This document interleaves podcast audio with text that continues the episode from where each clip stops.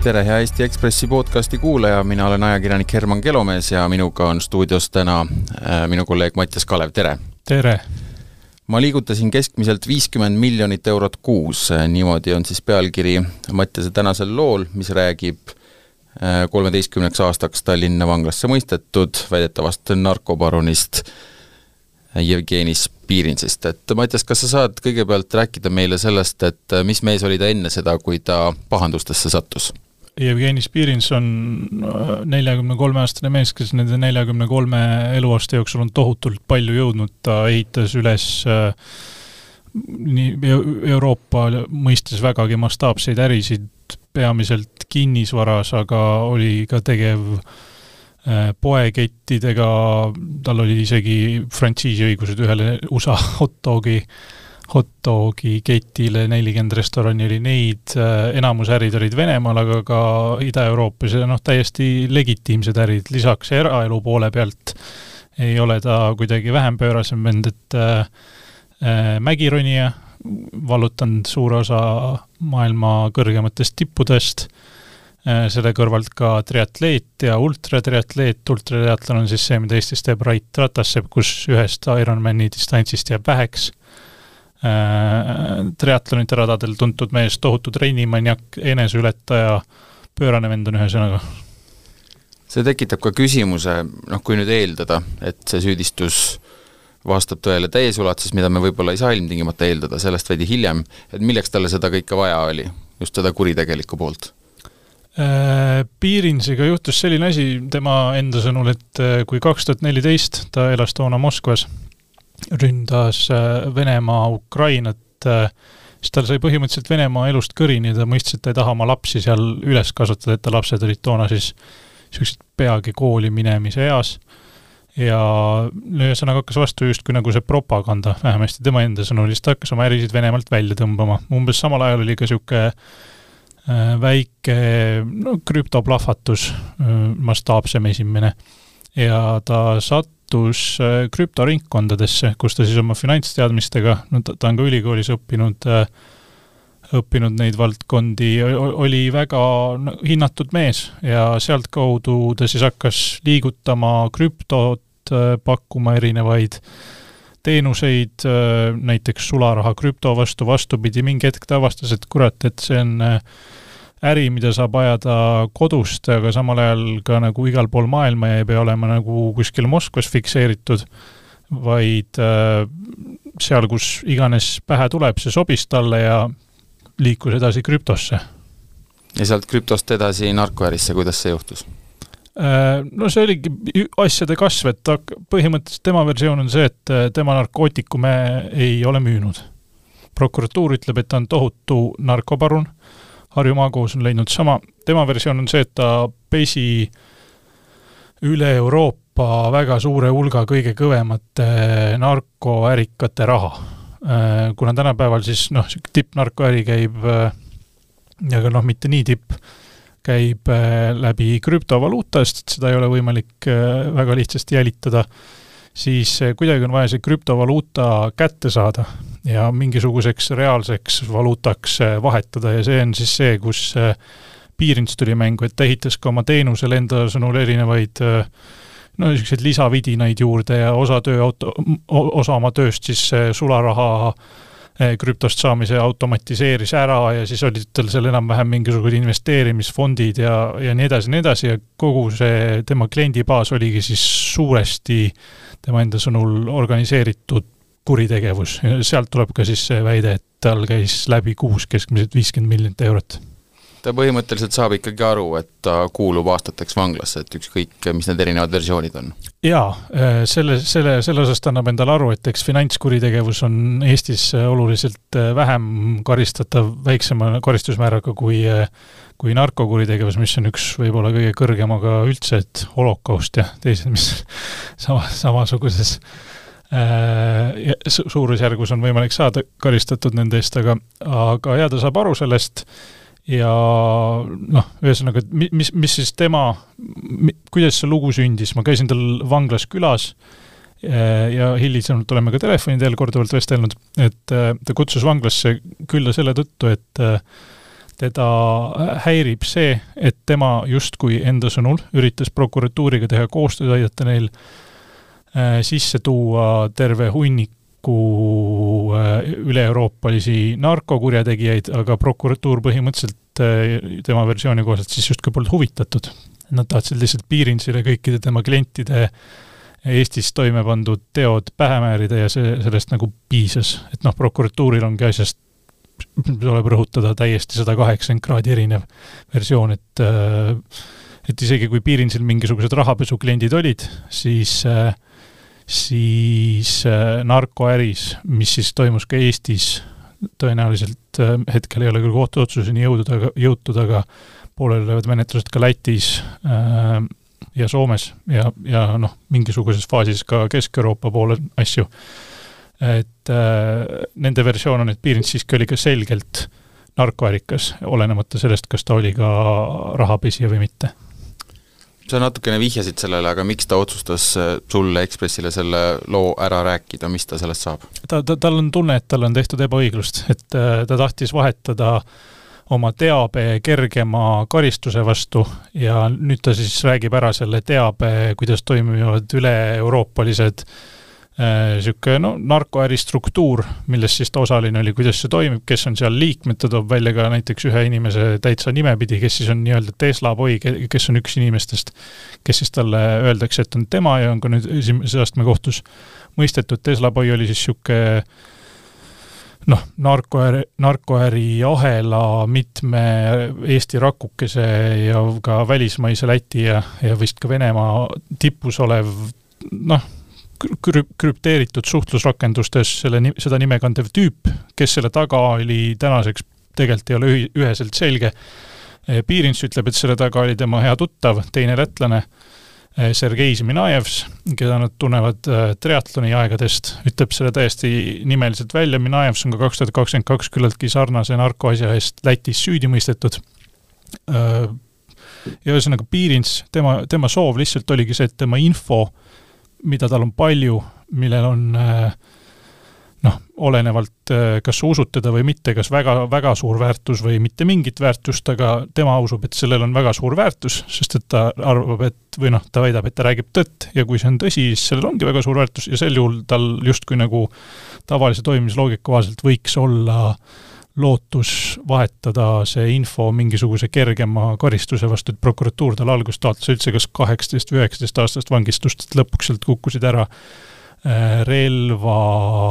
eba re,, ühesõnaga relva ja laskemoona ebaseadusliku käitlemise süüdistuse osad, et narko eest siis tuli see kolmteist aastat. miks prokuratuur siis kuulda ei võtnud tema versiooni? vot see on selle asja tuum, et äh, nemad ütlevad, et äh,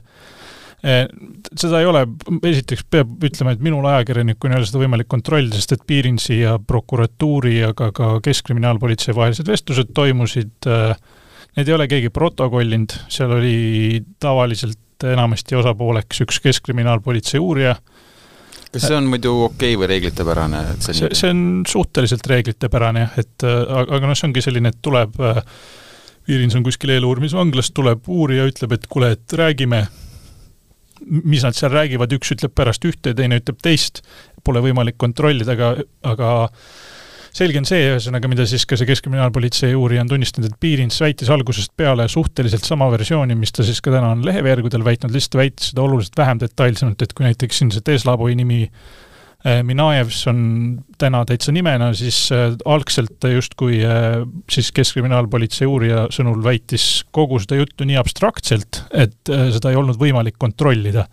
ja et Piirins tuli justkui välja sellise detailsusega jutuga alles praegu noh, nagu viimase ma ei tea, no väga-väga viimasel ajal, sellel hetkel, kui asi oli juba ammu-ammu-ammu kohtus mis tähtsus on sellel, mismoodi Piirins oma tekstivestlustes kasutab äh, naerunägusid? Äh, prokuratuur usub, et sellel on väga, äh, väga oluline kahtlus, et mis siis on selle case'i iva, on see, et seal on üks selline küllaltki tugev fakt ja väga suur hunnik kaudseid tõendeid Piirinsi vastu, et üks, üks, üks niisugune äh, tugev fakt on siis see, et üks Eesti narkoarikas, Ott Kõiv on ta nimi, on andnud tunnistuse eeluurimi-, jah, eeluurimise käigus, et et et Piirins, tema teab teda Tesla boy'na, et noh, ta ongi Tesla boy, et nad käisid Amsterdamis kuskil rahvusvahelisel narkoärikate jõulupeol ja Piirins võttis ta peale ja siis nad kohtusid, Piirins tutvustas teda veel mingisugusele mehele, kellel oli nii kurioosne ja võimas hüüdnimi nagu King of Drug Trafficking ja hi-, hiljem Kõiv seda äh, tunnistust enam kohtu ees ei korranud ja pi-, see oli siis enda, tema enda kohtuasja raames ja Piirinsi kohtuasja raames ta üldse keeldus tunnistamast, aga eeluurimisel ta ütles, et Piirins on Tesla boy. kõik ülejäänud asjad on väga kaudsed, näiteks ka siis see sama naerunäo asi, millele sa viitasid, et äh, äh ühesõnaga Piirins äh,, üks teine Eesti narkoärikas, Kevin Prost kirjutas, äh, Kevin Prestis kirjutas ühele äh, rahapesijale, keda ta ei teadnud, kes see on, see oli Piirins. ta sai selle Piirinsi mingisuguse abimehega kokku, abimees aitas tal raha pesta, noh, krüpto sularahaks ja vastupidi. Ähm, ja hiljem, peale neid kohtumisi, mida siis oli mitu tükki, kirjutas alati üks teine kasutaja, Valhalla, keda siis, kes on ka väga suur narkoärikas ja minuteid pärast seda, kui ta oli justkui äh, Piirinsi käsilasega või mingisuguse abimehega kohtumise lõpetanud ja Valhalla lisaks sellele, et ta kirjutas alati pärast äh, Piirinsi abimehega kohtumist koheselt, mis justkui reitis, et ta võiks olla väga lähedaselt seotud siis äh, Piirinsiga, kasutas ka üksnes sulgu smiley face'ina täpselt samamoodi, nagu tegi Piirins. ja sellest tulenevalt, see on just üks nendest äh,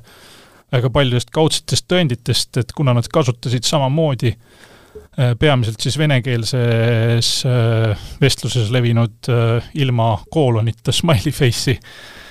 siis prokuratuur leiab, et see justkui võiks osutada sellele, et et Piirins ei olnud üksnes rahapesija seal olukorras Kevin Prostil, vaid ka pakkus talle siis täiesti teise nime alt kuskilt süvaveebi ja krüpteeritud äh,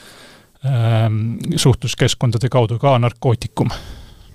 kas äh, prokuratuur on ka möönnud võimalust, et Tesla Boy või Valhalla võiks olla keegi teine kui Piirins? Äh,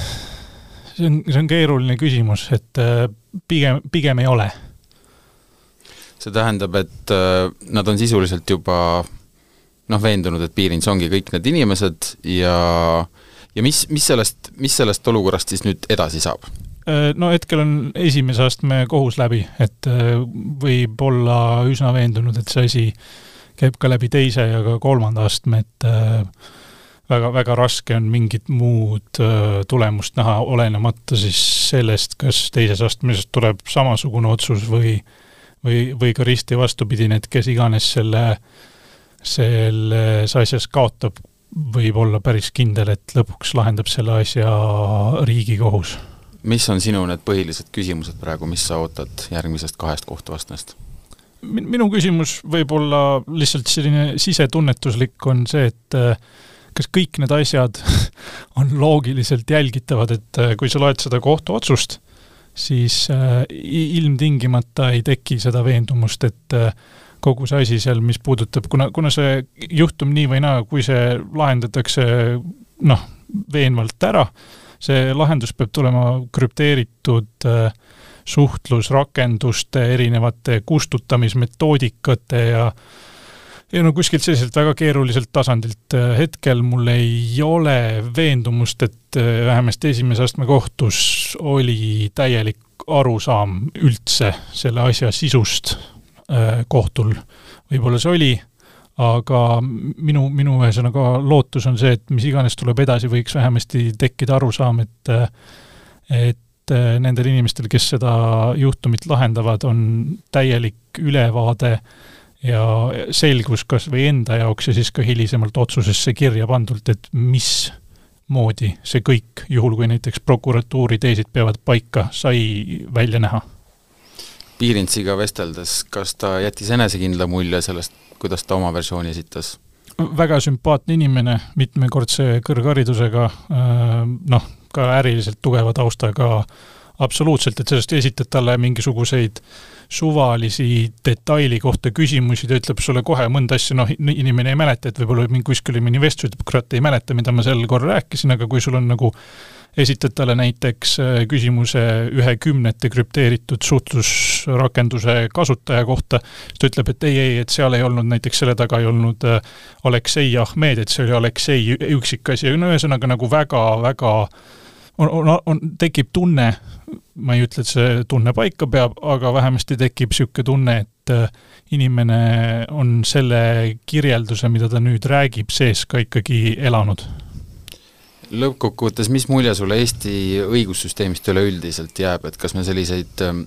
tänapäevasemaid kuritegevuse viise või meetodeid, noh, kõik need rakendused ja nii edasi, et, et kas me oleme ähm, ajale jalgu jäänud natukene sellega, mis meie võimekus on? Äh, seda ma ei ütleks kindlasti, et ma arvan, prokuratuur on siin teinud äh, kui hinnata, siis kümne palli skaalal üksteist paneks indeks. Äh, võib-olla ongi nagu minu siseveendumus kuskil äh, vähemasti tekivad mingid küsimused selle osas, et võib-olla need võib-olla on natuke need lahtised otsad oldud lausa nii osav, et on suutnud nagu kinniseks, kinnisemaks põimida, kui, kui nagu tegelik selline süvaloogika äh, asja taga lubaks ja et noh, need nagu murekohad vähemasti antud asjas tekivad siis selles Harju maakohtus, aga noh, see on esimene, esimese astme kohus, et võib-olla teine ja kolmas aste leiavad äh, leiavad täpselt äh, risti vastupidist äh, ja, ja võib-olla saan mina ka kõigest valesti aru, et siin selles suhtes lahtiseid otsi on väga palju. aitäh sulle, Mattias, tänasest Eesti Ekspressist saate lugu, lugeda seda lugu ja paljusid teisi veel. Eesti Ekspressi podcast tuleb nagu ka lehtki järgmisel nädalal, kõike head!